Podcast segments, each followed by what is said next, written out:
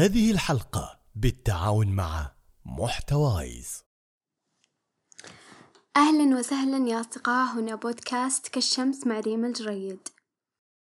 بما أن حياتنا تتشابه فحبيت من خلال هذا البودكاست أني أشارككم تجاربي الشخصية اللي أشوفها ممكن أنها تفيدكم أو تساعدكم في حياتكم. لنكون كالشمس في عطائها وقوتها ودفئها لنستمر في الشروق يوما بعد يوم كالشمس. موضوع الجمال ومعايير الجمال صاير من أكثر المواضيع آه، إثارة للجدل في الفترة الأخيرة. أغلب مواقع التواصل الاجتماعي آه، يقوم تسويقها أو حتى شركات معينة يقوم تسويقها على هذا المبدأ. إنه يحفزون عقد النقص عندك وإنك تحتاج مثلا منتج خاص فيهم عشان تزداد جمال أو تزداد ثقتك بنفسك وغيرها من الأشياء. طيب كيف إحنا يكون عندنا حصانة داخلية إن كل المؤثرات اللي داخلنا آه، أو كل المؤثرات اللي في الخارج سواء على ال social media أو في الإعلانات أو في حتى الأفكار اللي يبثونها الناس اللي حوالينا كيف إن إحنا ناخذها بدون ما نتأثر ويكون عندنا مبدأ خاص فينا آه، نمشي عليه. طيب أول شي حبيت أتطرق له اسم الله المصور. كل كلنا آه كل أي أي شكل كنا فيه سواء شكل وجهنا شكل خشمنا شكل عيوننا شكل أجسامنا كلها الله سبحانه وتعالى المصور هو اللي خلقها. ولو نبغى نعرف إيش معنى المصور هو الذي صور خلقه بتصميم وشكل مناسب لمهمتهم وأعطى كل مخلوق صورة مميزة لنتعارف بها. لعلمكم أن عدد سكان الأرض حاليا راح يوصل يعني قريب جدا من أنه يوصل ثمانية مليون شخص. ومع هذا ما في ولا إنسان يشبه إنسان آخر مية بالمية. كلنا يعني ممكن في تشابه ولكن ما في مية بالمية تشابه. حتى التوائم سبحان الله اللي يكونوا متطابقين يكون في اختلاف بينهم. وهذه من من إبداع الله سبحانه وتعالى وقدرته على خلقنا آه، مختلفين آه، وفي حكمة إن الله سبحانه وتعالى خلقنا مختلفين. فإحنا ليش مثلا من خلال الفلاتر أو من خلال عمليات التجميل نحاول إن إحنا نصير نشبه البعض؟ الحين بيجونك ناس ويقولون إنه والله آه، الصورة مهمة وإنه أكيد الشخص يبغى يظهر بمظهر حلو شيء طبيعي هذا إن الشخص يهتم بنظافته بترتيب شكله بأن تكون آه، رائحته آه، زكية على الأقل ما يظهر منه ريحة سيئة. هذه كلها أشياء مهمة. ولكن لما يوصل لمرحلة إنه هوس وإنه يكون هاجس وإنه ممكن شخص يمتنع من إنه يختلط بالآخرين بسبب خوفه من نظرته نظرة الناس له هنا تكمن المشكلة. الصورة مهمة متى؟ في الانطباع الأول. أنت لما تشوف شخص للمرة الأولى الصورة هنا تكون جدا مهمة. لكن بعدين اللي بيخليك تستمر في صداقتك لشخص معين أو إنك تتركه أو تكمل معاه هي أخلاقه أو طريقة تعامله معاك. حتى مو شرط إن يكون أخلاقه كويسة. ممكن أنت يعني أصدقاء سووا مع بعض كلهم أخلاقهم سيئة وقاعدين مع بعض. لكن إنه أنت تلقى شخص يشبهك أخلاقه تشبهك تعامله كويس تحس إنك ترتاح معاه هنا العلاقة بتستمر. وحتى أنت لما تبي تتذكر صديق لك ما راح والله تتذكره وتقول له والله خشمة طويل ولا جبهته كبيرة راح تتذكره بصفاته اللي هو اللي هي اللي عاملك فيها. وراح تتذكره بأسلوبه معاك طريقة تعامله المواقف اللي وقف هو معاك فيها. ما راح تتذكره بالشكل. طب ليش إحنا نعبر عن أنفسنا أو نتذكر أنفسنا بالشكل الخارجي وما نتذكر مواقفنا ما نتذكر الأشياء الكويسة الداخلية اللي فينا.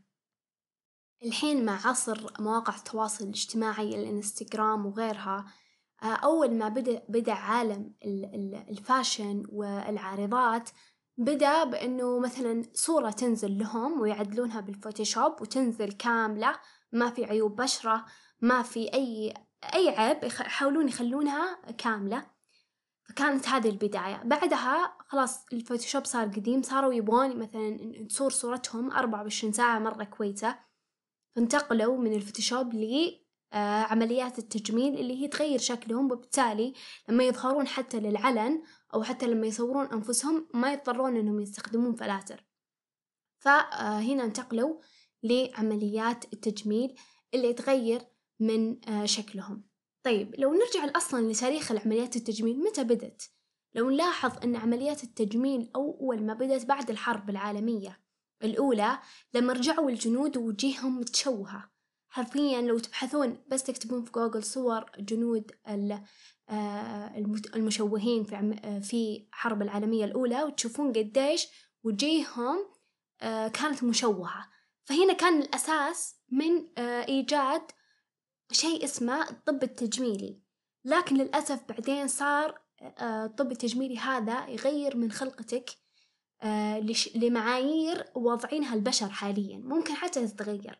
يعني لو تلاحظ أن فت قبل مثلا خمسين سنة أو مية سنة كانت موضة أن الشفايف تكون صغيرة هذه علامة جمال. الآن تغيرت صارت الشفايف الكبيرة هي علامة جمال. فصاروا أغلب البنات يروحون يسوون نفخ للشفايف. مع أنها معايير غير ثابتة لأنها البشر واضعينها لكن للأسف في كثير من الناس يتأثرون فيها. زي ما نعرف كلنا كمسلمين أن الله سبحانه وتعالى خلقنا لعبادته. وفي حديث النبي محمد عليه الصلاة والسلام قال إن الله لا ينظر إلى أجسامكم ولا إلى صوركم ولكن ينظر إلى قلوبكم وأعمالكم. وأبو لهب لو تعرفون سبب تسميته بهذا الاسم إنه كان جميل.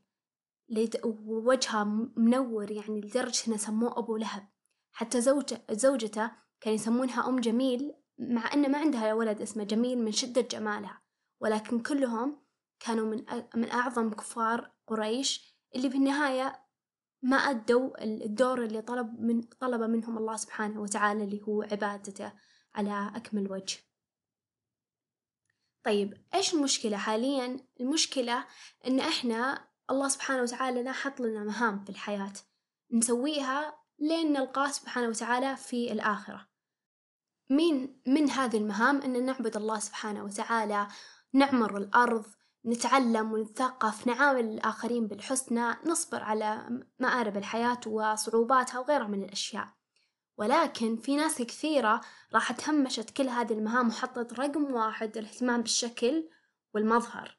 وهنا حدثت المشكلة والخلل أن صار اهتمامنا الأول الشكل وأهملنا الأشياء اللي إحنا ربي خلقنا عشانها اللي لما نيجي يوم القيامة أو حتى في القبر لما لما بنسأل ما راح نسأل عن هذا الشيء بنسأل عن أشياء أهم بنصير فرطنا.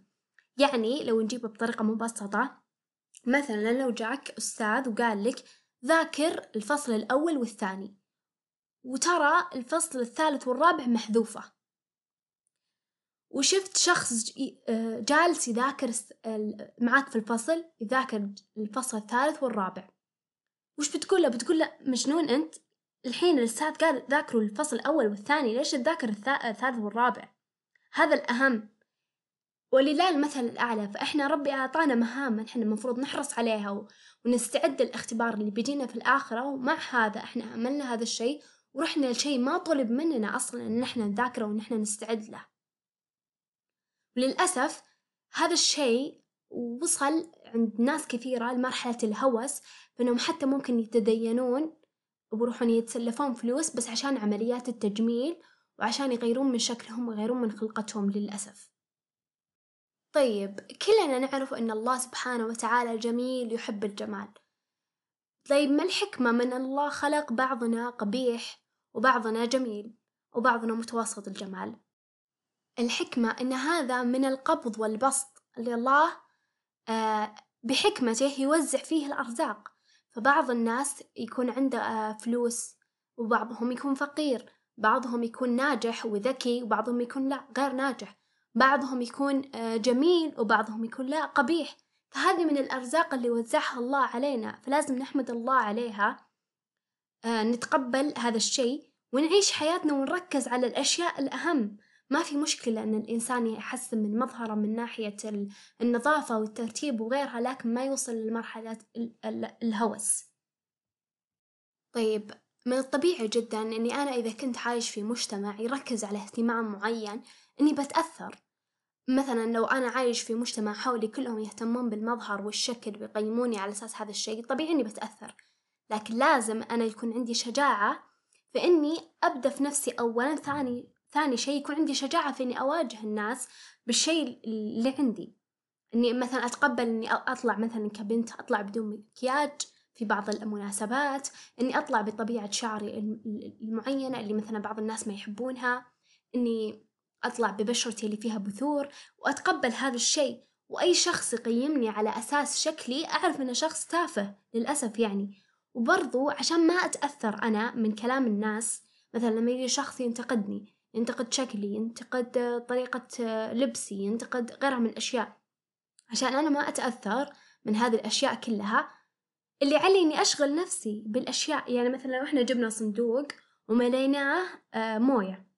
هل في مكان إنك في مكان إنك تقدر تحط فيه مشروب غازي؟ لا طبعا بيكون مليان ومثله أنت نفسك إذا مليتها بالأشياء المفيدة بأنك أشغلت نفسك بالعلم بطاعة الله سبحانه وتعالى بأنك تكون خلوق بأنك تطور من نفسك تحسن من نفسك هنا ما راح يكون عندك وقت أصلا أنك تنشغل بأفكار الناس عنك وأنهم كيف يشوفونك وإيش رأيهم عنك فهذه من أهم الأشياء اللي إحنا لازم آه نشغل أنفسنا بالشيء الكويس عشان ما يكون في مكان للشيء السيء إنه يكون له شاغر في أنفسنا. وأتذكر دائما إني مخلوق في هذه الدنيا عشان أرضي الله سبحانه وتعالى مو عشان أرضي الناس. فإذا إحنا دائما نذكر ونكرر هذا الشيء آه على بالنا هذا بيجيب لنا راحة وطمأنينة. أهم شيء ربي راضي عني. الناس مو مهم. أصلا رأي الناس متغير. وبالنسبة لتجربتي الشخصية مع معايير الجمال وغيرها أنا أتذكر بداية فترة الجامعة كنت من أكثر الناس اللي أروح وأنا مو حاطة ولا أي شي على وجهي غير مرطب مثلا ومرات واقي شمس بس.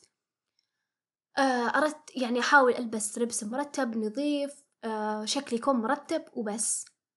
وكان عندي آه، إن بشرتي بداية الجامعة كانت مليانة حبوب. تطلع يعني بشرتي كانت جدا تعبانة. ومع هذا كنت أروح وما أغطي ولا شيء. ليش ليش؟ أنا أصلا في البداية ما كان يهمني صراحة مظهري قد ما يهمني إنه أنا رايحة الجامعة عشان أتعلم وأستفيد من وقتي هناك وغيرها. ومع هذا لاحظت إنه الحمد لله في خلال فترتي هذيك ما قد مرة جاني شخص وقال لي والله شكل ليش شكلك كذا؟ وليش ما تحطين كذا؟ والله وإحنا ما ما عجبتينا بس عشان شكلك كذا. بالعكس الحمد لله كونت صداقات وفي علاقات مع استمرت إلى اليوم وكان كان لي تأثير على بنات ال ال الكلاس اللي موجودين معاي بسبب شخصيتي وبسبب طريقة تعاملي معاهم مو بسبب شكلي. والحمد لله يعني ما واجهت أي مشكلة من ناحية الشكل. وفي قصة آه، رويت من الصحابة رضي الله عنهم أن في شخص دخل على النبي محمد عليه الصلاة والسلام وأصحابه آه، وشعره غير مرتب فقال الرسول عليه الصلاة والسلام فيما معنى الحديث أنه ألم يجد هذا الشخص آه، شيئا ليهجد شعره ويرتبه يعني؟ فهذه نظرة الإسلام للموضوع أن الشخص يهتم بشكله من ناحية الترتيب والنظافة والاعتدال في هذا الشيء في هذا الاهتمام ما يصل الموضوع إلى الإسراف وإلى صرف أموال طائلة مال ووقت وجهد وحتى مشاعر وتفكير وقلق وغيرها كلها تنصرف على المظهر الخارجي والنبي محمد عليه الصلاة والسلام اللي هو قدوتنا كان دائما معاه المسك والمشط والمكحلة والمسواك. هذا يدل على النبي محمد أن النبي محمد عليه الصلاة والسلام اهتم بالجمال ولكن باعتدال مو لدرجة الإفراط أو التفريط. وفي تجربة أجرتها واحدة من الأجنبيات. قررت